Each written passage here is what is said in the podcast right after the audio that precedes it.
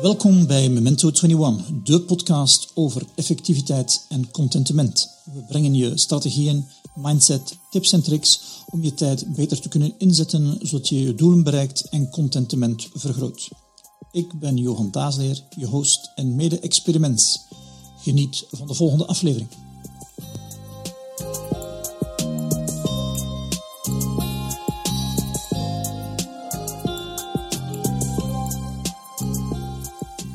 Welkom bij de volgende opname van onze podcast Memento 21. En deze keer opnieuw niet met Steven, maar met Sylvia. Dag Sylvia. Hallo, dag Johan. Hoe gaat het met je? Goed, heel goed. Oh. Sylvia, als mensen nu tegenkomen op straat en ze vragen wie dat je bent, wat doe je? Kortom, de jambers vragen, wat vertelde hen dan? Wel, dat hangt heel erg af van de persoon. maar ik zal je vertellen wat ik meestal uh, antwoord.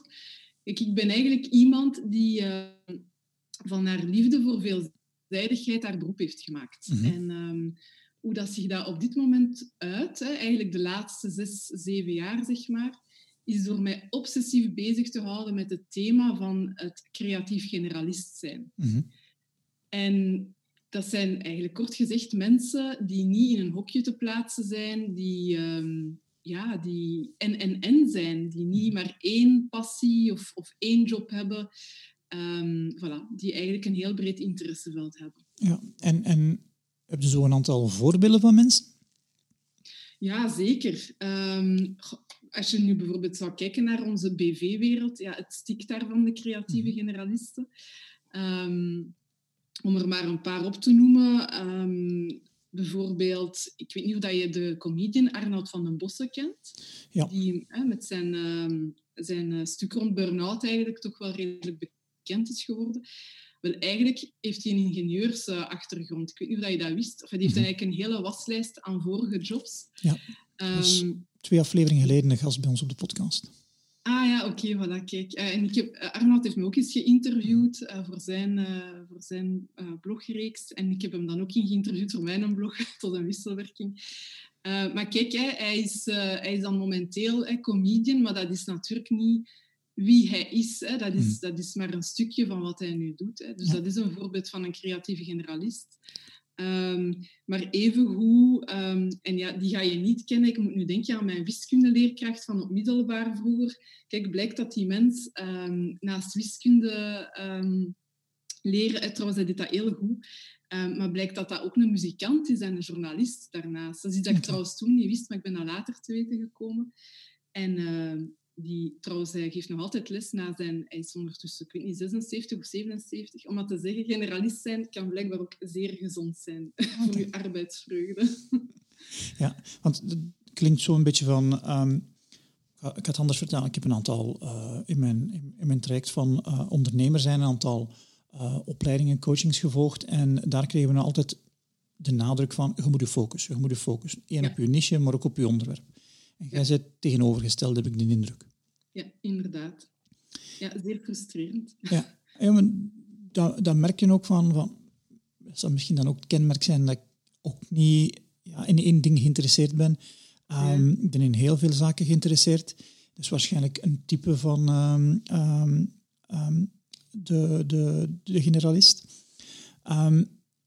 Maar de frustratie van, verdorie, ik, ik wil verschillende dingen. Maar je merkt dan, ze gaan toch ook niet zo snel vooruit. Ja, En is dat dan de prijs die je moet betalen om content te zijn? Of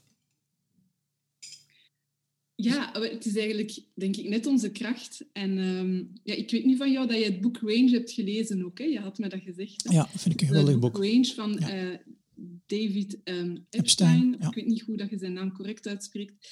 Ehm, eigenlijk heeft hij net daarover in het boek dat eh, generalisten lijken eigenlijk een, een achterstand te hebben, hè, Mhm. omdat ze ja, verschillende dingen gaan uitproberen of verschillende dingen combineren. En dus op korte termijn lijken ze minder snel succes te boeken of te evolueren. Maar wat blijkt, op lange termijn zijn zij wel de winnaars. Hè? Ja. Dus um, dat is wat hij aantoont in zijn boek. Omdat er, hij noemt dat, als ik mij niet vergis, in het Engels een groter match quality is met wat je doet. Hè? Dat is eigenlijk niet meer dan um, dat je gewoon doet wat goed bij je past. Hè? Ik ga dat nu heel simpel uitleggen. Ehm, en natuurlijk heeft dat, is dat gewoon veel duurzamer. Hè? Dus wat je gaat zien, is dat dan misschien de, de, de specialisten die heel snel dan op de arbeidsmarkt zijn gekomen en een hoger loon hebben enzovoort enzovoort, dat die op een bepaald moment misschien toch wel gaan zien van, ja, dit is toch niet helemaal wat bij mij past. En dan in een periode komen van weer zoeken, mhm. terwijl de generalist dan misschien op dat moment uh, net zijn match heeft gevonden. Dat is nu echt in een notendop. Mhm. Maar dus die achterstand waarvan we soms denken van, oei, dit is problematisch, wat dat is net eigenlijk een kracht. Ja. Ehm, ook omdat je enorm veel ervaring aan het opdoen op dat moment en omdat je ook tussen al die, die interessevelden of ervaringsvelden op den duur begint linkje te leggen. Ja. En ehm, ja, dat is, dat is ja, een enorm voordeel, want dat is kennis dat je in elk nieuw domein ook weer kan meepakken. Ja, er zijn zo'n aantal metaprincipes die je in verschillende domeinen kunt meepakken. Hè? Ja, absoluut. Ja. En dat is natuurlijk een effect dat je pas op latere termijn mhm. gaat merken. Hè. Dat merk je in het begin nog niet, ja. je winst. Ja. En um, um, ik blank nu op zijn naam, maar de, de schrijver van Dilbert, van de, de tekenfilms, uh, van de strips, die, die, die heeft het altijd over um, het stekken van een aantal skills dat je hebt. Is dat ook iets dat typisch is voor een, voor een generalist? Ja, wat bedoelt hij met dat stekken dan? Wel, hij zei van, verdorie, ik, ik ben niet de beste tekenaar, ik ben ook niet de beste grappenverzinner, maar die twee gecombineerd samen, dat maakt mij wel uniek en dat maakt wel dat ik in dat genre de beste ben. Ja, ja, klopt. Ik denk trouwens ook dat dat echt een way to go is voor een generalist. Hè? Dat, we zoeken heel vaak naar dat nichegebied of het, het, het stuk waarin dat we dan specialist kunnen zijn. Ehm, en, en we gaan dan kijken naar de domeinen die al bestaan, hè, de mainstream dingen. Mhm. Terwijl wij ook best kunnen specialiseren, maar vaak in die unieke combinatie aan dingen die we zijn. En ik denk dat dat ook is dat hij zegt. Mhm. Ehm, en zo zijn er nog voorbeelden. Hè? Dus dat je, je gaat eigenlijk een combinatie maken van alles ja, wat, wat jou boeit, wie je bent. En dat, dat is dan weer uniek. En het mooie daaraan is, is dat bijna niemand jou daarin kan kopiëren. Ja. Dus in die zin kunnen wij als generalisten ook best uh, ja, experten zijn. Ja, ja, dan, dan lijkt dat een contradictie. En dat is ook nog een thema waar je mee bezig bent. Um, Maar het is niet zo... Ik, ik had zo het, het idee van um, Jo Nesbo, ik weet niet die schrijver of dat je die kent. Nee. Is uh, een beroemde misdaadschrijver. Hij heeft een reeks van uh, Harry Hole geschreven. Ik denk 30, 40 miljoen van verkocht. Maar dit is zijn derde carrière. Die, die was eerst een profvoetballer. Dan is hij um, popzanger geweest. Redelijk succesvol in ik denk Noorwegen. En nu is hij schrijver. En in die drie domeinen is hij redelijk succesvol. Ja. Maar dan heel serieel. Ja. Generalisten zijn dat tegelijkertijd of is dat ook serieel? Beide. Het is eigenlijk heel goed dat je dat aanbrengt, want er zijn heel veel verschillen tussen generalisten. Mhm. Ehm, ik heb dat eigenlijk opgesplitst eh, op basis van ervaring en een stuk uit, uit literatuur ook, hè, uit verschillende types dat je kan hebben als generalist. En um, om, om het nu heel kort te schetsen, je hebt inderdaad het verschil tussen de generalist die van alles gaat combineren, ik noem dat de jongleurs, en dan heb je de seriële specialisten. En die hebben inderdaad meer seriële carrières. Mm wat niet wil zeggen dat zij in hun, in hun seriële carrière ook geen dingen gaan meepakken van de vorige dingen. Hè? Want ik kan me inbeelden dat ook hij um, dat, dat, er een soort van kruisbestuiving zal tussen ontstaan zijn, of dat dat jouw stijl voor een stuk ook mee bepaalt en zo. Uh, maar dus je beleeft het serieler. Terwijl de jongleur die heeft echt verschillende dingen tegelijkertijd nodig. Okay, ja. um, dus dat geeft ook een heel ander type generalist en een heel andere manier om je, om je tijd in te delen. En, uh, want als het dan over time management zou hebben of zo, dat, dat vraagt gewoon heel andere tools en heel andere, mhm. een heel andere manier van kijken. Ja. En, en als je die twee zo uiteenhaal integreert, maar nu, je gaat mij misschien in de hoek van de time management uh, duwen ik heb een beetje een, eh, een afkeer van dat woord. Ja, ik ook eigenlijk. Omdat ik denk van, verdorie, hoe dat je het labelt, het is hoe dat je het probleem ook creëert, omdat je tijd niet kunt managen. Ja. En eh, daarom dat wij ook spreken van teammanagement, dat we energie en aandacht managen, omdat je dan veel meer mogelijkheden hebt om beter te worden. Maar dat zal natuurlijk ook beter passen bij uh, hoe dat ik in elkaar zit. Hè. Dat ik allerlei dingen dan kan proberen in plaats van alleen maar de taken dan te, ja, ja. te goed te organiseren. Ja. Maar tegelijkertijd denk ik dat het ook een, voor mij een juiste manier is om naar het probleem dan te kijken. Mhm. Want als je kijkt naar waar mensen mee zitten, als het dan gaat over time management, ehm, dat, gaat over, dat is eigenlijk zo'n complexe verzameling aan problemen. En als je dat alleen gaat aanvliegen vanuit een bril van time management, ja, dan komt je vast te zitten. En ik, ik, geef jou helemaal gelijk. Ik heb het woord nu in de mond genomen, maar ik spreek ook vaak met mijn klanten over focus op energiemanagement en niet mm. op time management. Ja. En ik ben het er helemaal eens mee, want als je het hebt over energiemanagement, heb je het over zoveel meer. Uh, en heb je eigenlijk een integrale aanpak. Hè?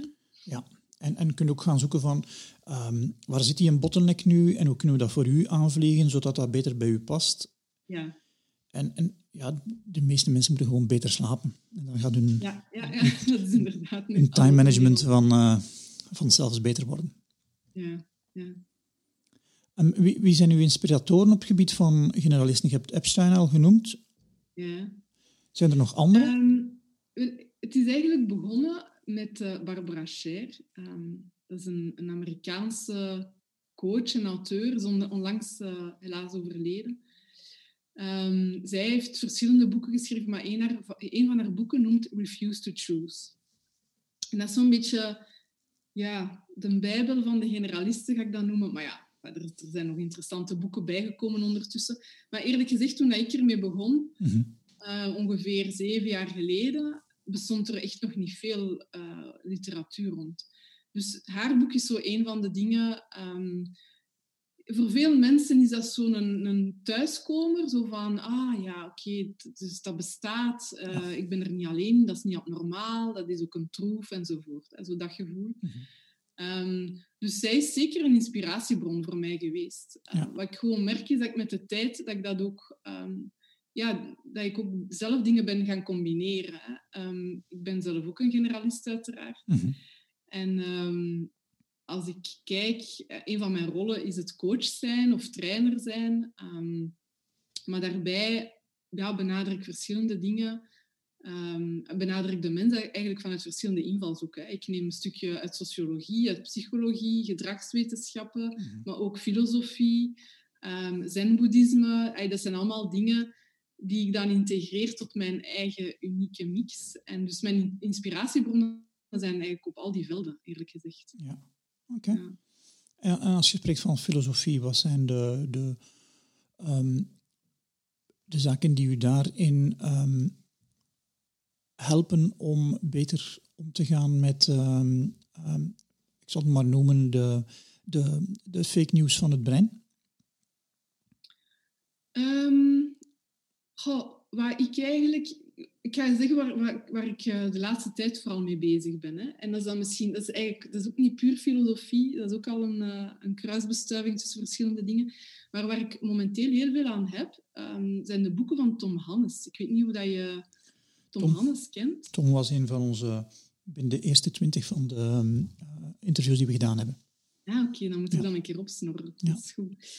dus Tom Hannes is een boeddhistisch meditatieleraar, auteur, schrijft echt supergoed, vind ik. Um, muzikant ook. ook. Een muzikant. Een muzikant, ja. Dus ook, ook een generalist. Dus op dat vlak al zeer interessant. Maar um, in, het laatste wat ik van hem heb gelezen, dat is zijn voorlaatste boek, denk ik, dat is Leven in het Nu. En daar heeft hij het over... Uh, diepte denken versus flinterdun denken. Ik weet niet of dat, Johan, of dat jij het boek hebt gelezen. Um, uh, ja, maar al een tijdje gelezen. Hij heeft er een stuk of vier, denk ik, boeken. Ik heb ze alle vier gelezen, maar dat resoneert nu niet met mij. Het, het, brengt niks terug. Ja. ja, maar kijk, hij zegt ook in dat dieptedenken um, dat we... Het is echt een dik boek, hè, dus ik ga, nu niet, ik ga geen poging doen om het helemaal historisch te schetsen en zo, want daar zou ik niet, uh, niet zo goed in zijn. Maar dus het dieptedenken gaat over dat we achter alles een diepere waarheid gaan zoeken. En dat is iets dat vooral in ons westerse denken zo is. En dat is, dat, dat is dus historisch gegroeid, maar dat heeft nu nog altijd een hele grote impact uh, op, op onze manier van denken. Um, denk maar aan weet je, onze drang naar het zoeken naar ons authentieke ik en onze ware kern. En dus dat is een vorm van dieptedenken. Ja. En eigenlijk zegt hij van ja, ja, we moeten daar massaal van af, want eigenlijk maakt ons dat heel ongelukkig en zorgen we voor veel ellende op die manier. En hij stelt daar dan tegenover het flinterdunne denken. En dat is een term dat hij er zelf op geplakt heeft. En dat is eigenlijk gewoon een poging om geluk te vinden in de alledaagsheid van de dingen. zijn drie principes dan, zegt hij. Dat is van alles is vergankelijk, alles is afhankelijk van elkaar en alles is per definitie onvolmaakt. Ehm, voor mij, eerlijk gezegd, is dat, dat is iets dat mij enorm veel helpt mhm. als, als mens, maar ook als generalist, om, ehm, ja, om een zinvoller leven te leiden. Ja. Ik, ik vraag me zelfs af of dat, of dat er geen rol is tussen dat dieptedenken en onze verheerlijking van de specialist. Maar dat is nu een linkje dat ik zelf leg. Ik heb dat ook aan hem nooit... Allee, ik, zou dat, ik zou daar eigenlijk graag met hem een keer over praten. Ja. Ehm, omdat ik zie dat heel veel mensen daar echt op vastlopen. Hè? Zo dat, die zoektocht naar... Allee, ik, ik, wil dan eindelijk mijn echte ik vinden en nu ben ik maar wat aan het rondlummelen en aan het hier en daar aan het gaan en er zit geen... En, en ja, dat echte ik, ik geloof daarmee in. Oké. Okay. doet mij heel hard denken aan uh, het boek van Cal Newport. Be, be, so good that I can't ignore you. Waaruit hij mhm. een lans afsteekt van het stoppen met het zoeken naar uw passie. Ja. En, en het komt wel wat overeen, denk ik. Hè? Mm ja, inderdaad. Want zo dat zoeken naar je passie... Pas op, ik heb niks tegen passies, hè. Nee. Uh, ik ga het dan soms eerder benoemen als micropassies of zo, om die zwaarte er een beetje van af te halen. Um, maar het, het zet heel veel mensen vast. Want wat als je die passie niet hebt en laat staan dan de ene passie? Ja. Dan heb je het gevoel van dat er een probleem met jou is, hè? Ja. tegenwoordig. Ja, mhm. ja maar dat is, dat is zo. Dus je moet feitelijk... Um, um, Steve Jobs wordt er zo altijd aange... Heeft, Steve Jobs heeft zo'n een, eh, een commencement speech waarin hij zei dat je passie moest volgen. Hij zei, mm -hmm. je moet feitelijk doen wat dat Steve Jobs deed, niet wat het hem zegt, want wat heeft hem gans zijn carrière gedaan? Niet zijn passie gevolgd, maar vooral eh, beter geworden in een aantal dingen. En die dan gecombineerd. En dan zo is hem ehm, tot Steve Jobs geworden. Maar hij heeft niet zijn passie gezocht. Hij heeft veel gelummeld. Ja, en dat is ook het probleem hè, als we dan nadien, hè, als zo iemand succesvol gevraagd wordt nadien van ja, hoe heb je dat gedaan en wat zijn uw, hè, uw levensregels en bla bla bla. Ja, dan, ja, oké, dan vinden we daar wel een theorietje op. Hè. Ehm, maar weten we eigenlijk wat er echt aan de gang is geweest? En nee, meestal niet. Hè. Nee. Dus dat is het gevaar daarvan. Oké, ja. Ehm, als je zei van, verdorie, je hebt verschillende vormen van uh, generalisten en je hebt verschillende tools dan om beter om te gaan met, ik ga het nu maar noemen, energie en uw aandacht. Um, mag ik ervan uitgaan dat jij ook een jongleur bent? Nee. Oké. Nee, ik ben meer van het seriële type. Oké, en kun je het verschil tussen een jongleur en het seriële type dan eens uh, uh, uitleggen? Zijn er maar twee types? Nee, er zijn er verschillende. Maar uh, de grootste verschillen zitten wel op dat vlak. Tussen um, hoeveel variatie heb je eigenlijk nodig hè? en mhm. hoe organiseer je dat dan? Ja. Dus dat is wel het duidelijkste om de verschillen uit te leggen. Maar aan de ene kant dan die seriële specialisten plaatsen, aan de andere kant de jongleur. Dat maakt het wel uh, helder. Ja. Um, en um, ja, wij, Sorry, Johan, zeg jouw vraag nog een keer. Want, uh... Wel, wat dat de verschillende tools zijn om um, als ofwel um, seriële generalist ofwel als jongleur om beter om te gaan met je energie en je aandacht. Ja, wel, er is een groot verschil tussen die twee types over wat is mijn ideaal prikkelniveau. Mm En eigenlijk moet je daar je, rond gaan organiseren. Hè. Bijvoorbeeld een, een seriële specialist. Um, die heeft doorgaans, die, die, die zijn prikkelniveau, zijn optimaal prikkelniveau ligt lager dan bij de jongleur. Ja. En om nu mezelf als voorbeeld te nemen, ik ben dus echt wel een generalist, maar ik zou persoonlijk heel veel stress krijgen van mocht ik mijn dag nu opdelen in uh, neem drie blokken of zo. Eh, neem, ik heb drie projecten en ik, ik deel dat op in mijn dag. Voor mij zou dat al te veel, ja, te veel van de hak op de tak zijn. Dus geef mij maar een dag waar ik in één blok aan iets kan werken en heel diep kan gaan. Ik zeg niet dat een jongleur niet diep kan gaan, hè, maar dat gaat in kortere blokjes. Ja. Mhm. Um, terwijl een jongleur van zo'n ganse dag in iets, één iets duiken of een ganse week. Of, hè, dus bij iedereen ligt dat een beetje anders. Maar dan, die zou al gauw zoiets hebben van... nee, allee, ik heb meer afwisseling nodig. Ja. Dus dat is al een heel concreet verschil, agenda-gewijs. Oké. Zo, de jongleur... Ik weet niet of dat klopt, maar zo nu in mijn kop schiet het van... een jongleur heeft meer tegelijkertijd projecten dan um, een, een, een seriële generalist. Ja, ja, het is ook letterlijk, en zoals de jongleur, die heeft verschillende ballen in de lucht. Ik zeg niet dat ik dat niet heb. Ik heb natuurlijk binnen wat ik doe, dat is ook heel breed. Hè, en ik doe daar ook verschillende dingen in. Ja. Maar ik ga wel gauw voelen van, oei, het is al te veel voor mij. Ja. Um, En ik zie dat dat bij de gemiddelde jongleur, want ik trek heel veel jongleurs aan ook in mijn praktijk Mhm. eh, en in mijn programma's. En de- de- dus zij zouden, de manier waarop ik mijn agenda organiseer, zal voor hen te, te eentonig zijn. Ja, ja, ja. ja ik, ik merk voor mezelf, projecten die ik gestart ben, zet ik op een lijst. Ik noem die mijn masterlijst. Ja. En als ik mezelf moet beschermen en ik moet dat doen, dan moet ik dat aantal beperken. Ja. Want als ik daar Ja. boven ga, ja, dan heb ik te veel ballen in de lucht. ja. En ook voor een jongleur, eh, ik heb ook niet gezegd dat een jongleur een onbeperkt aantal ballen in de lucht Ja. kan houden. Hè. Er is ook een Ja. moment waarbij je merkt, die ene bal, dat was er te veel aan en nu zijn ze allemaal op de grond gevallen. Ja. Dus het is ook voor iedereen, daar is ook geen ene regel voor, maar iedereen moet een beetje zoeken naar waar, waar zit die sweet spot. En dat is ook, ja, dat evolueert in de tijd ook. Hè. Dat is ook Mhm. niet dat je voor eeuwig kan zeggen, bij mij is drie projecten, punt. Ja. Dus ja, af en toe vallen er ballen en dat is ook niet zo erg. Hè. Maar hoe sneller dat je erop kunt eh, schakelen, hoe beter. Ja. En dat is alleen, jij kan, kan dat aanvoelen en weten en, en opmerken. Ehm, uw laatste blog dat je geschreven had, gaat over zelfkennis. Ja, Dat je er niet zo in geloofde. Ehm, terwijl ik wel dat denk dat dat een, een manier is om beter te worden. ja zeker. Ja, ja.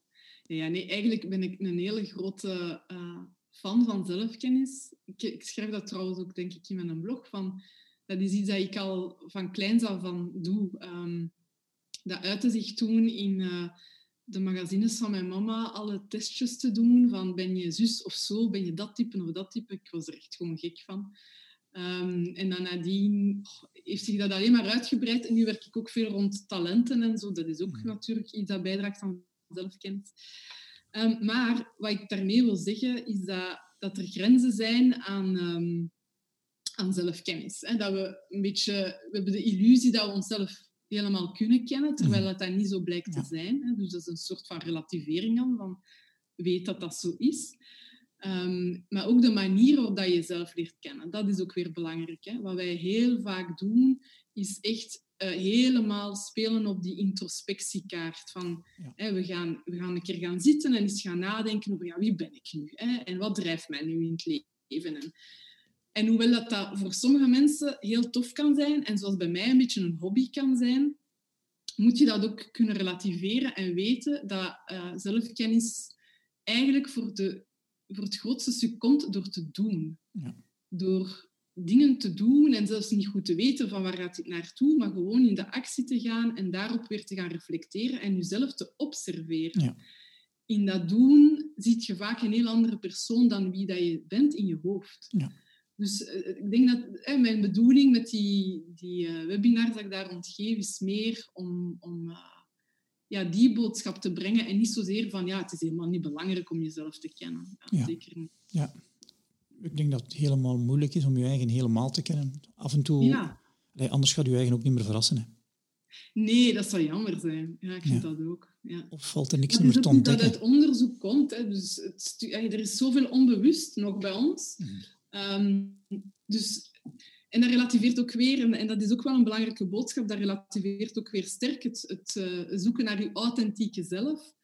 Ehm, hoewel stukken daarvan onderschrijf ik wel. Ik vind het ook heel belangrijk om trouw te zijn aan je waarden en om te weten wat dat, dat is en zo. Maar die zoektocht naar de authentieke zelf is ook zoiets dat ja, mensen zo kan vastzetten. En als je dan weet dat je jezelf nooit volledig kan kennen, wat is dan dat authentieke Ja. zelf? Mhm. Ja. Uh, daar kan ik inderdaad... Allee, dat, ik kan daar uren over doorpraten als je wil. maar ik zal mij wat inhouden. schoot een vraag in mijn hoofd daar straks en nu ben ik ze kwijt, dus zal niet zo belangrijk, Ja. niet zo belangrijk geweest zijn. Ehm, in, introspectie, ehm, als je dat voor jezelf organiseert, hoe doe je dat dan? Goh, ik weet niet of ik dat echt organiseer. Ja, dat is een goede vraag, Johan. Ik denk dat ik heel veel de kaart heb gespeeld van het reflecteren, hè, al zittend zo op mezelf. En ik vind dat heel tof, hè, maar alleen besef ik nu dat dat ook meer een soort van liefhebberij is dan Mhm. dat dat het enige is dat ik moet doen. Ehm, wat ik meer en meer probeer te doen, nu bewust, en dat is ook door de kennis die ik de afgelopen jaren heb opgebouwd, is echt feedback van anderen ook vragen. Oké. Ja, ehm, ik heb het eigenlijk altijd moeilijk gehad met feedback hoor. Zo uit angst voor kritiek en zo. Maar dat is iets dat ik dan als ondernemer, ik denk dat je dat dan echt wel moet leren en dat je, dat, dat iets is dat je gewoon stretcht. Dus daar heb ik heel veel aan. Ehm, en ook echt wel door te doen. Ik heb voor mij alleen al het pad als ondernemer. En je moet weten, ik ben eigenlijk sociaal-cultureel werker van opleiding. Mhm. Ik heb uh, elf jaar in, in het sociaal-culturele werkveld gezeten. Dus het enige wat ik kende was, was sociaal werk. Ehm, en van, om daarvan dan de stap te zetten naar ondernemer, ook al ik weet, ik ben een solo-ondernemer en ik heb geen, geen, geen, uh, geen groot bedrijf en zo. Hè, dat is, mhm. Je hebt ook nog soorten ondernemers natuurlijk. Maar zelfs dat, die stap was eigenlijk echt wel groot. Dat was een heel andere wereld. Wat voor mij ook weer tof was. Hè? Want af en toe ontpop ik graag zo'n nieuwe persoonlijkheid in mezelf. Dus dat, dat is gewoon een, een heel tof avontuur. Ehm, maar alleen al dat doen, daardoor heb ik zoveel nieuwe kanten van mezelf ontdekt dat ik echt niet vermoedde en dat niemand van mijn vorige collega's zou vermoed hebben in mij. Ja. Dus dat is ook een manier van zelfkennis opbouwen. En kun je daar eens een van context veranderen. En, uh... Kun je daar eens een voorbeeld van geven? Ja, zeker. Um, kijk, ik ben begonnen met, met die topic van de creatieve generalist. Dat is eigenlijk wel op mijn pad gekomen. Dat is ook wat want sommige mensen vragen mij, hoe ben je daarop gekomen? En alleen zo'n niche en dat is slim van je geweest. En dit en dan. Denk ik van, ja, de waarheid is eigenlijk veel, allee, ja, veel bescheidener dan dat. Want het is ook allemaal een beetje naar mij toegekomen. Um, maar alleen al dat, hè, ik ben er dan mee begonnen. En dan, um, ja, dan had ik op Facebook plots een, community van, van, van, ik weet niet meer, 2000 mensen of zo. Alleen al dat... Um, ik had dat vroeger nooit geloofd van mezelf. Mhm. Dat dat kon. Dat ik daar, dat is een vorm van leiderschap opnemen. Een soort van, voor veel mensen ben ik een, een, een, blijkbaar een inspiratiebron. Ik vind dat nog altijd een beetje uh, vreemd, eigenlijk. Um, dat is iets... Ja, ik zou ermee gelachen hebben. Uh, ja. 15 jaar geleden. Ja. Oké. Ja.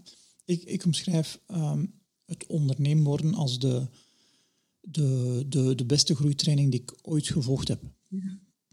De beste en de hardste Ah ja, absoluut. Ja. maar dat is absoluut zo. Dus echt, als het gaat over persoonlijke ontwikkeling, ik denk dat dat echt het beste leertraject is dat je voor jezelf kunt. En ik zeg nu niet dat iedereen dat moet doen. Hè. Ik denk ook niet dat dat het pad is van iedereen. Uh, er moet ook geen verheerlijking van de ondernemer komen of zo. Um, maar ja, ik kan dat wel beamen dat dat qua persoonlijke ontwikkeling best wat dingen in gang heeft gezet. Ja, klopt. Um, wat zijn zo boeken die nu op uw leeslijst staan? Op mijn leeslijst? Um, ik lees altijd verschillende boeken tegelijkertijd. Ja.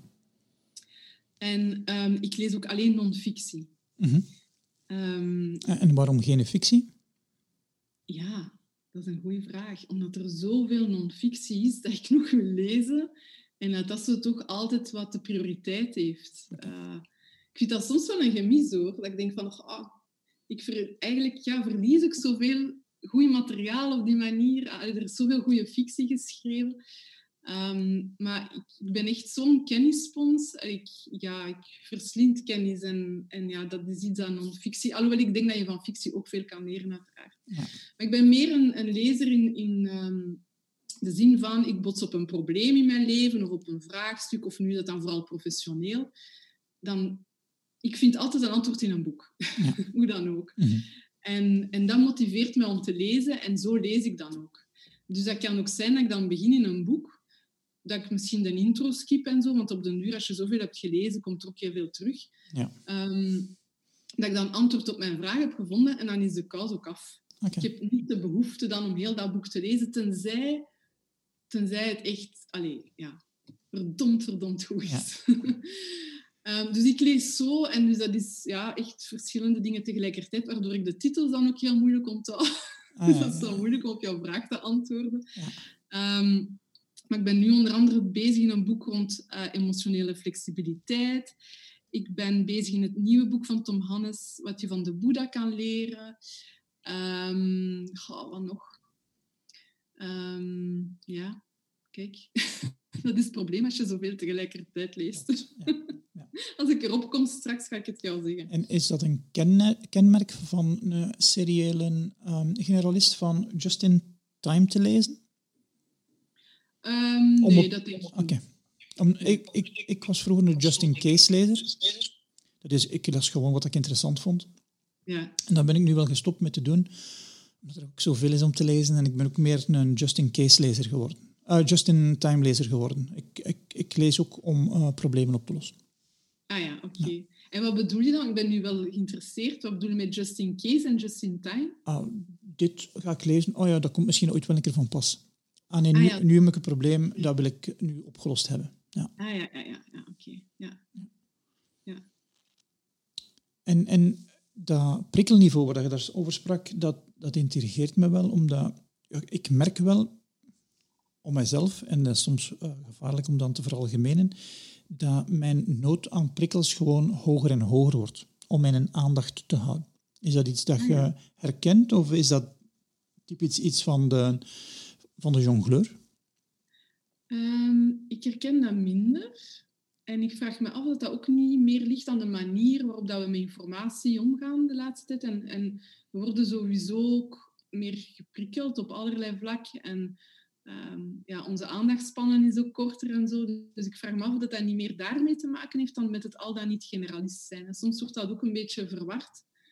Um, ik heb ook bijvoorbeeld mensen die zeggen van ja, ik kan, ik kan mij, mij niet focussen, ik kan mijn aandacht er niet bij houden, maar dan hebben ze eigenlijk een social media verslaving. Of, snap je? Dus dat wordt soms um, allemaal op dezelfde hoop gegooid, terwijl dat, dat niet een kenmerk is per se van een jongleur ja. of, of, van een generalist. Oké. Okay. Ja. En, en wat doe je dan om het ideale niveau, het, ik vind dat wel een, een mooie, een, het optimale niveau te vinden? Dat is veel uh, trial and error. Okay. Dat is eigenlijk geen andere ja. manier. Uh -huh. het, het helpt wel natuurlijk met je er ook een beetje over te bevragen. En dan hebben we het weer over introspectie en over zelfkennis. Ja. Dus bijvoorbeeld, um, met klanten ga ik dat ook wel eens doen. We kijken van, ja, in welk type herken jij je? En, maar dat is natuurlijk ook omdat je al kan terugblikken op vorige ervaringen. Ja. Um, en dan is het ook ja, gewoon proberen en experimenteren en zien wat dat werkt voor jou en wat niet. Ja. En wat ik daarnet ook al zei, dat kan ook natuurlijk um, fluctueren in de fases van jouw leven. Hè. Veel mensen vergeten ook van buiten dat professionele stuk komt er ook nog heel wat bij. Hè. Bijvoorbeeld als je jonge kinderen hebt of zo. Mensen tellen dat er niet bij in de puzzel, maar ja, ja dat heeft ook een grote impact. Ja. Dus misschien gaat het dan anders liggen voor jou dan als je geen kinderen hebt of dat je kinderen al groot zijn. Of snap je? Dus ja. dat, is, ja, dat is eigenlijk ja, uitproberen en er heel alert op zijn. Oké, ja. Ik was er heel hard geïnspireerd door um, het boek van Lucie Palladino. Ja. Finding Your Focus Zone. Oké. En, en, en, en, zij zegt dat afhankelijk van het aantal afleidingen, dat uw concentratie, dat er ergens een optimaal punt is. Okay. Als er te weinig afleiding is, is er geen focus. Als er te ja. veel afleiding is, is er alleen maar um, um, overstimulatie. Als er nog ja. veel meer um, afleiding is, ja, dan, dan is het compleet negatief. Maar het optimale is zo de bovenkant van die, zij noemen het een, een belcurve. Uh, en dat vinden is natuurlijk niet altijd evident. Nee, het doet mij ook heel hard denken aan de flowzone, hè? want dat is hetzelfde principe. Ja. Um, dat je, je, je mag niet in de, in de angstzone zitten van oei, ja. dit is iets dat ik compleet niet kan, ik raak in paniek. Maar je mag natuurlijk ook niet in de verveelfase zitten, waar dat je gewoon herhaalt wat je al kan en dat gewoon hè, been there, done that is. Ja. Dus je moet eigenlijk in, inderdaad in die sweet spot zitten hè, van het is spannend, spannend genoeg om mij scherp te houden, maar Ja. het is ook niet dat mij helemaal uit balans brengt. Ja. Dan ben je in je optimale zone. Dus dat doet mij daar ook wel heel hard aan, Ja. aan denken. het kader bij mij ook zo. De, ja, je kunt nu, als je ergens iets nieuw leest, moet je het ergens proberen in een kader te gieten, omdat ja, wat is nog juist en wat is niet juist. En het kader die ik frequent gebruik de laatste tijd is van, als het dicht bij onze natuur ligt, is de kans veel groter dat het waar is dan als het er ver van ligt. Dus ik denk dat al- als mensen zijn we altijd al generalisten geweest, Mhm. dat we anders niet zouden overleefd hebben in onze evolutie. En dan op een bepaald moment zijn er wel specialisten gekomen, eh, maar die hebben het altijd heel moeilijk als de, de context verandert. Dus dat generalist zijn ehm, voor het overgrote deel van de bevolking een belangrijkere zou zijn, of dat we er meer generalisten hebben dan specialisten, Mij lijkt dat logisch. Als ik kijk vanuit het oogpunt van onze evolutie. Ja. Zijn, er, zijn er zo theorieën die jij gebruikt om dingen uh, te verifiëren, dingen te, te kaderen?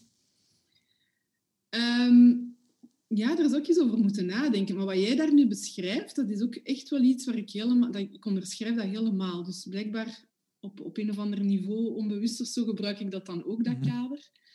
Um, ik moet eerlijk zeggen dat ik dat zeven jaar geleden had ik eerder de indruk van ja, we zijn in de minderheid. Dat is ook wat ik terugvond in, in literatuur. Maar ik, ik ben er helemaal van afgestapt. Um, Ik denk ook hoe langer hoe meer van... We zijn generalistisch van natuur. Um, en, en dat zie je ook aan kinderen trouwens, hè, als, je die, als je die observeert. Dus ik, ja, dat onderschrijf ik helemaal. Maar dat er nu andere kaders zijn, ja, wellicht wel, maar ik weet niet hoe ik ze dan zo bewust, uh, bewust hanteer. Dat weet ik niet. Ja. Wat zijn zo de, de belangrijkste inzichten die jij geleerd hebt over jezelf om contenter en effectiever te zijn? Um, ik denk dat een heel grote evolutie is gekomen met het uh, bezig zijn rond de creatieve generalist, omdat dat voor mij een, een manier was om te kunnen net mijn, mijn talenten en mijn troeven uit te vergroten en niet het weg te moffelen. Dus dat is, dat is iets heel belangrijks geweest. En dan ja, heel veel dingen daarbij. Hè. Ik heb, um, zoals ik, ik zei ook daarnet, van ik, ik uh, benader dit thema vanuit verschillende invalshoeken bijvoorbeeld een, een talentgerichte kijk op de dingen van hè, werk vooral op jouw talenten. Dus mhm. talenten zijn dingen waar dat je energie van krijgt. om het heel simpel te zeggen, waar je blij van wordt. Um, en, en ga niet focussen op die zwakke punten, want daar is jouw evolutie, allee, dat gaat heel traag en heel beperkt zijn en je gaat er heel veel energie aan verliezen. En het is niet, dat is niet het domein waar dat je gaat uh, excelleren. Ja. Dus, dus dat is iets dat mij enorm veel heeft geholpen. Ik denk dat ik dat nu ook door zelfstandig te zijn, kan ik daar nu ook helemaal zelf in kiezen. Dus dat is iets dat ik echt meepak van vooral daarop in te zetten. En ik merk dat ook. Als ik dat doe, dan boek ik ook veel meer effect dan als ik probeer uh, op dingen in te zetten die eigenlijk niet bij mijn sterktes horen. Um, dat. Maar ook, en misschien sluit dat wel aan op jouw vorige vraag van die kaders. Um, iets wat ik heel hard hanteer nu ook, is zo dat, dat paradoxale denken. Hè. Dus um, ik heb vorig jaar een boek geschreven samen met Ivo Brugmans, mm -hmm. die uh, filosoof is, um, over paradoxaal coachen. En dat bouwt eigenlijk verder op uh, zijn... Hij heeft al twee boeken geschreven over paradoxaal denken. Hij heeft een boek over de kunst van het paradoxale leven. En zijn tweede boek was Paradoxaal Leiderschap. En dat is eigenlijk gebaseerd op een heel mensbeeld en, en wereldbeeld. Um, dat gaat over, ja, kijk, we zijn, we zijn allemaal een vat vol tegenstellingen en de wereld zit vol tegenstellingen. En het gaat niet over of-of uh, denken of uh, kiezen tussen het een of het ander, maar het is allemaal verbonden met elkaar. Nu ben ik het echt wel zeer mm -hmm. kort en simpel aan het uitleggen. Um, en toen ik in contact ben gekomen met, met, met, met dat denken, dat sloot ook helemaal aan op hoe dat ik naar de wereld kijk en, en ook hoe dat ik met mijn klanten werkte. En ik ben mij begin af te vragen van, um, oké, okay, dat is een heel mooie manier van denken, eh, maar hoe doe je dat nu in de praktijk? Mhm. Hoe, begeleid je daar mensen in? Hoe doe je dat zelf als individu? Hoe word je dan paradoxaal vaardig? Hoe doe je dat? Paradoxaal vaardig. En daar is dus een boek uit voortgekomen. En kun je zo'n aantal paradoxen eens duiden? Ja, absoluut. Ik zal het misschien linken aan het thema van vandaag, hè, mhm. aan die generalisten. Uh, Een eerste paradox is bijvoorbeeld focus versus veelheid. Eén dat heel veel generalisten gaan, uh, gaan herkennen. Ja. Um, maar ook tussen verandering en stabiliteit bijvoorbeeld. Ja. Of herhalen en nieuwigheid. Of, allee, je moet daar vooral je eigen woorden aan geven. Ja. Uh, maar ook tussen um, creativiteit en structuur. Uh, allee, zo kan ik er nog heel wat opnoemen. Um, en het is nooit het, het uh, verhaal van je moet een van die twee kanten kiezen, maar je bent altijd verbonden, of je zou verbonden moeten zijn met beide kanten. Ook al heb je een voorkeurskant, hè, om bijvoorbeeld bij mezelf te kijken. Ik, ben, ik krijg heel veel energie van nieuwe dingen. Dus als iets nieuws is, dan ben ik op en top in mijn nopjes en zo. En dan ben ik super gemotiveerd. En, maar als het te veel herhaald wordt, dan zakt die energie enorm bij mij. Ja. Maar wil dat nu zeggen dat ik niks heb met stabiliteit of met herhaling? Uh, nee, liefst niet. En zeker niet als ondernemer. Want dat is trouwens ook mijn grootste struikelblok als ondernemer. En je moet wel, ook al ligt die kant is die minder um, evident voor jou, je moet wel een relatie opbouwen met die andere kant ook. En je moet dat op een of andere manier ook invullen, want anders kom je vroeg of laat in de problemen. Je kan niet alleen maar uh, blijven op ene kant inzetten. Dat gaat niet. Oké. Het is dan ergens een tegenstelling waar je op een spectrum zit en dat je moet kunnen schuiven tussen de twee? Het is een soort spel eigenlijk, ja, dat klopt. Um, en ook al ga je soms patronen vinden, hè, want bij mij is dat ook heel duidelijk. Ja. Ik neig heel sterk naar die, die ja, veranderingskant of nieuwigheid of noemt het avontuur. Hè. Maar ik, ja, het is wel een, een dans of een spel, hè, hoe dat je het ook wil noemen.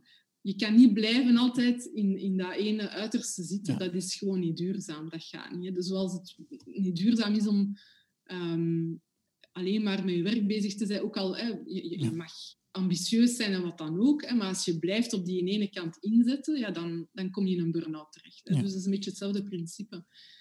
Maar hoe dat je dan die andere kant erbij pakt en wanneer, ja, dat is, dat is, dat is een spel. Dat, dat is hoe, hoe, voelen van wat heeft deze situatie nu nodig en hoe vul ik dat in. Mhm. Ik kan bijvoorbeeld mijn nood aan herhaling of stabiliteit kan ik ook laten invullen door andere mensen rondom mij of door systemen. Of, hè, het moet niet allemaal van mij komen, ook niet.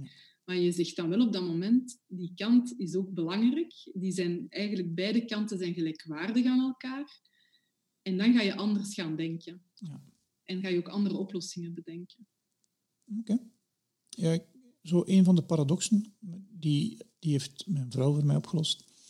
Dus ik heb nog heel hard geworsteld met het feit van, ik wil groeien, maar ik wil ook content zijn. Okay. En dus als je, als je wilt groeien, wil dat zeggen dat je in C, vind ik dat dat wil zeggen dat je over iets niet content bent. En dat is zo, ik kon dat niet, ik kon dat niet rijmen. Ik kreeg dat niet ge, ge, gecoverd. Dat je toch kunt willen groeien en dat je toch ook kunt content zijn. Ja.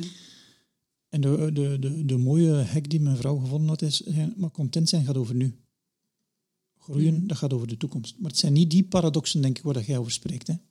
Ja, dat, toch wel, dat kan wel. Want bijvoorbeeld, mocht jij nu als klant met die, uh, dat spanningsveld komen, dan zou ik dat ook eerst onderzoeken met jou, van wat, wat zit daar dan onder? Hè? Dat groeien, wat betekent dat voor jou? Want in eerste opzicht, toen je zei groeien en content zijn, ik zag nog geen polariteit daarin. Hè? Die zijn niet tegengesteld aan elkaar. Mhm. Maar wat jij daaronder bedoelt wel. Hè? Nu, Ik snap het ook meteen beter toen je toelichtte. Het gaat eigenlijk over ehm, ja, iets anders voelen dan de huidige situatie. Dus evolueren. Versus content zijn met wat er nu is. Of je kan dat ook benoemen als um, focus op het nu versus focus op de toekomst. Hè? Dus mhm. uh, daar gaat het dan eigenlijk over. Ja. Um, dus zeker, dit is zeker een, een mogelijke vraag. Dat, dat, ja. Waar de mensen bij u mee komen. Ja, ja absoluut. Ja. Met welke dingen komen uw klanten bij jou, uh, Sylvia? Um, goh, dat is heel divers. Hè. Vaak, mensen komen meestal binnen rond dat creatieve generalistenthema. Genre van... Um, ja, ik, ik heb zoveel dingen, ik kan er niet tussen kiezen. Hè. Dus hoe pak ik dat aan? Um, maar ook, ik krijg het niet uitgelegd. Ik ben oké met alles wat ik doe. Ik vind het allemaal super tof. Ik ben ook oké met het feit dat ik een generalist ben, maar ik krijg dat niet verkocht. Want als ik begin, dan ben ik mensen kwijt. Hè? Omdat ik dan met een hele waslijst aan dingen kom en, en zo blijkt het niet te werken. Um, dus dat kan ook een vraag zijn. En dan werk ik vooral rond wat zijn de rode draden in jouw verhaal en help ik mensen daar wat mee te spelen ook. Um, maar even hoe zijn dat ook vragen rond faalangst hoor. En angst om, durven, allez, angst om fouten te maken. Pleasersgedrag is ook een thema. Dus dat heeft op zich niet direct iets te maken met het generalist zijn. Maar dat zijn natuurlijk thema's die dan in een coachpraktijk wel vaak uh, nadien naar boven komen. Um, maar ook heel veel mensen die als uh, ondernemer willen beginnen. Um, en die dan ja, een beetje zoekende zijn van wat begin ik dan? Hè? Want ik wil natuurlijk een en-en verhaal, maar hè, ja. uh, alles tegelijkertijd op de markt zetten, dat is meestal ook niet echt uh, handig. Dus ja, heel diverse dingen. Oké. En, en, en we naderen ongeveer het, het einduur. Um, ja. Waar kunnen mensen u, u, vinden? Op de creatieve generalist, dat is duidelijk, maar nog op andere ja. plekken? Op twee plekken. Allee, als we nu over websites mm -hmm. spreken, dus op uh, de site van de creatieve generalist, maar ook op uh, paradoxaalcoachen.com, want dat is dan de website rond ons boek. Mm -hmm. En daar um, hebben we het dus vooral over die paradoxen. En eigenlijk is het vooral gericht naar mensen die één op één werken met anderen. Dus coaches, leidinggevenden, um, ja, begeleiders allerlei, die, uh, die anderen daarin willen helpen hè, om, om vlotter te spelen met tegenstellingen en, uh, en willen leren hoe dat ze dat dan kunnen doen. Oké. Okay. Is er nog iets dat je onze luisteraars wilt vertellen? Um, vooral denk ik van, mochten als mensen nu luisteren en zich daarin herkennen, misschien is het voor hen de eerste keer dat ze het, um, het fenomeen uh, horen als zijn van er is een woord voor. Hè. Uh, vooral denk ik de, de grootste boodschap is van leer zelf de troeven ervan kennen. Mm -hmm. En meestal valt dan heel veel op zijn plaats. Hè. Ook issues rond hoe moet ik mij dan pitchen en hoe krijg ik de omgeving ook overtuigd. Want dat hoor ik heel vaak, van ja, maar de omgeving is niet mee. En, en dat klopt wel. Hè. We leven nog altijd in dat ideaal van hè, die specialist. Maar dingen zijn wel aan het veranderen. Um, maar ik merk toch wel dat heel veel start bij hoe dat je er zelf in staat. En ja, dat daar heel veel in beweging komt. Dat is echt stap nummer één. Van, ja. Dat klinkt misschien wat fluffy, hè, zo van, oké, okay, het is oké okay om te zijn wie je bent. En, maar daar gaat het wel over van, kijk, um, ja, dat is hoe dat jij bedraad bent en dat is waar dat jij op je sterkste bent. En zo'n boek lezen zoals Range of um, andere voorbeelden bekijken van mensen die uh, volop gaan voor de N-N-N, dat kan ja. uh, heel inspirerend zijn en uh, ja, kan voor een grote herkadering zorgen. Maar, maar ja. het leek alsof dat, dat mensen ook bij u voorkomen is om toestemming om zo te zijn. Wel, ik denk dat ze dat al een stukje hebben door op de website te gaan. En dat krijg ik al sinds vaak te horen. En door de blogs te lezen. En ik heb ook een online community. En natuurlijk heeft dat ook dat effect, want dan zit je plots in een hele community met mensen die allemaal op dat vlak... Je moet dat niet uitleggen. Iedereen vindt dat normaal. Ja. Iedereen herkent zich super hard daarin. Het is geen zelfhulpgroep of zo, hè, maar het is gewoon... Um, ja, ons topic samen is die veelheid op allerlei manieren. Ja. Het gaat over veelheid in interesses, maar ook trouwens in manieren van wonen. Hè, want je hebt ook woonslashes, noem ik ze. Um, dus dat exploreren we samen. Dus die herkenning vindt op heel veel manieren plaats en niet alleen via coaching of zo. Ja. Ik heb het gevoel dat dat al gebeurt, eerst door de verhalen te lezen en door, of door een okay. boek te lezen, kan ja. ook. En dat dan de interesse getriggerd wordt van, ah ja, oké, okay, en hoe kan ik dat nu optimaliseren? Of hoe kan ik dat nu concreet maken voor mezelf? En dan, en dan hup, en dan gaat een bal aan het rollen. Oké, okay. ja. mooi. Dus als je geïnteresseerd bent, gaat naar de website decreatievegeneralist.be. Klopt? Ja, klopt helemaal. Perfect. Ik wil u nog graag bedanken voor uw tijd, uw energie en uw aandacht. Graag gedaan. En uh, tot een volgende keer. Tot de volgende keer.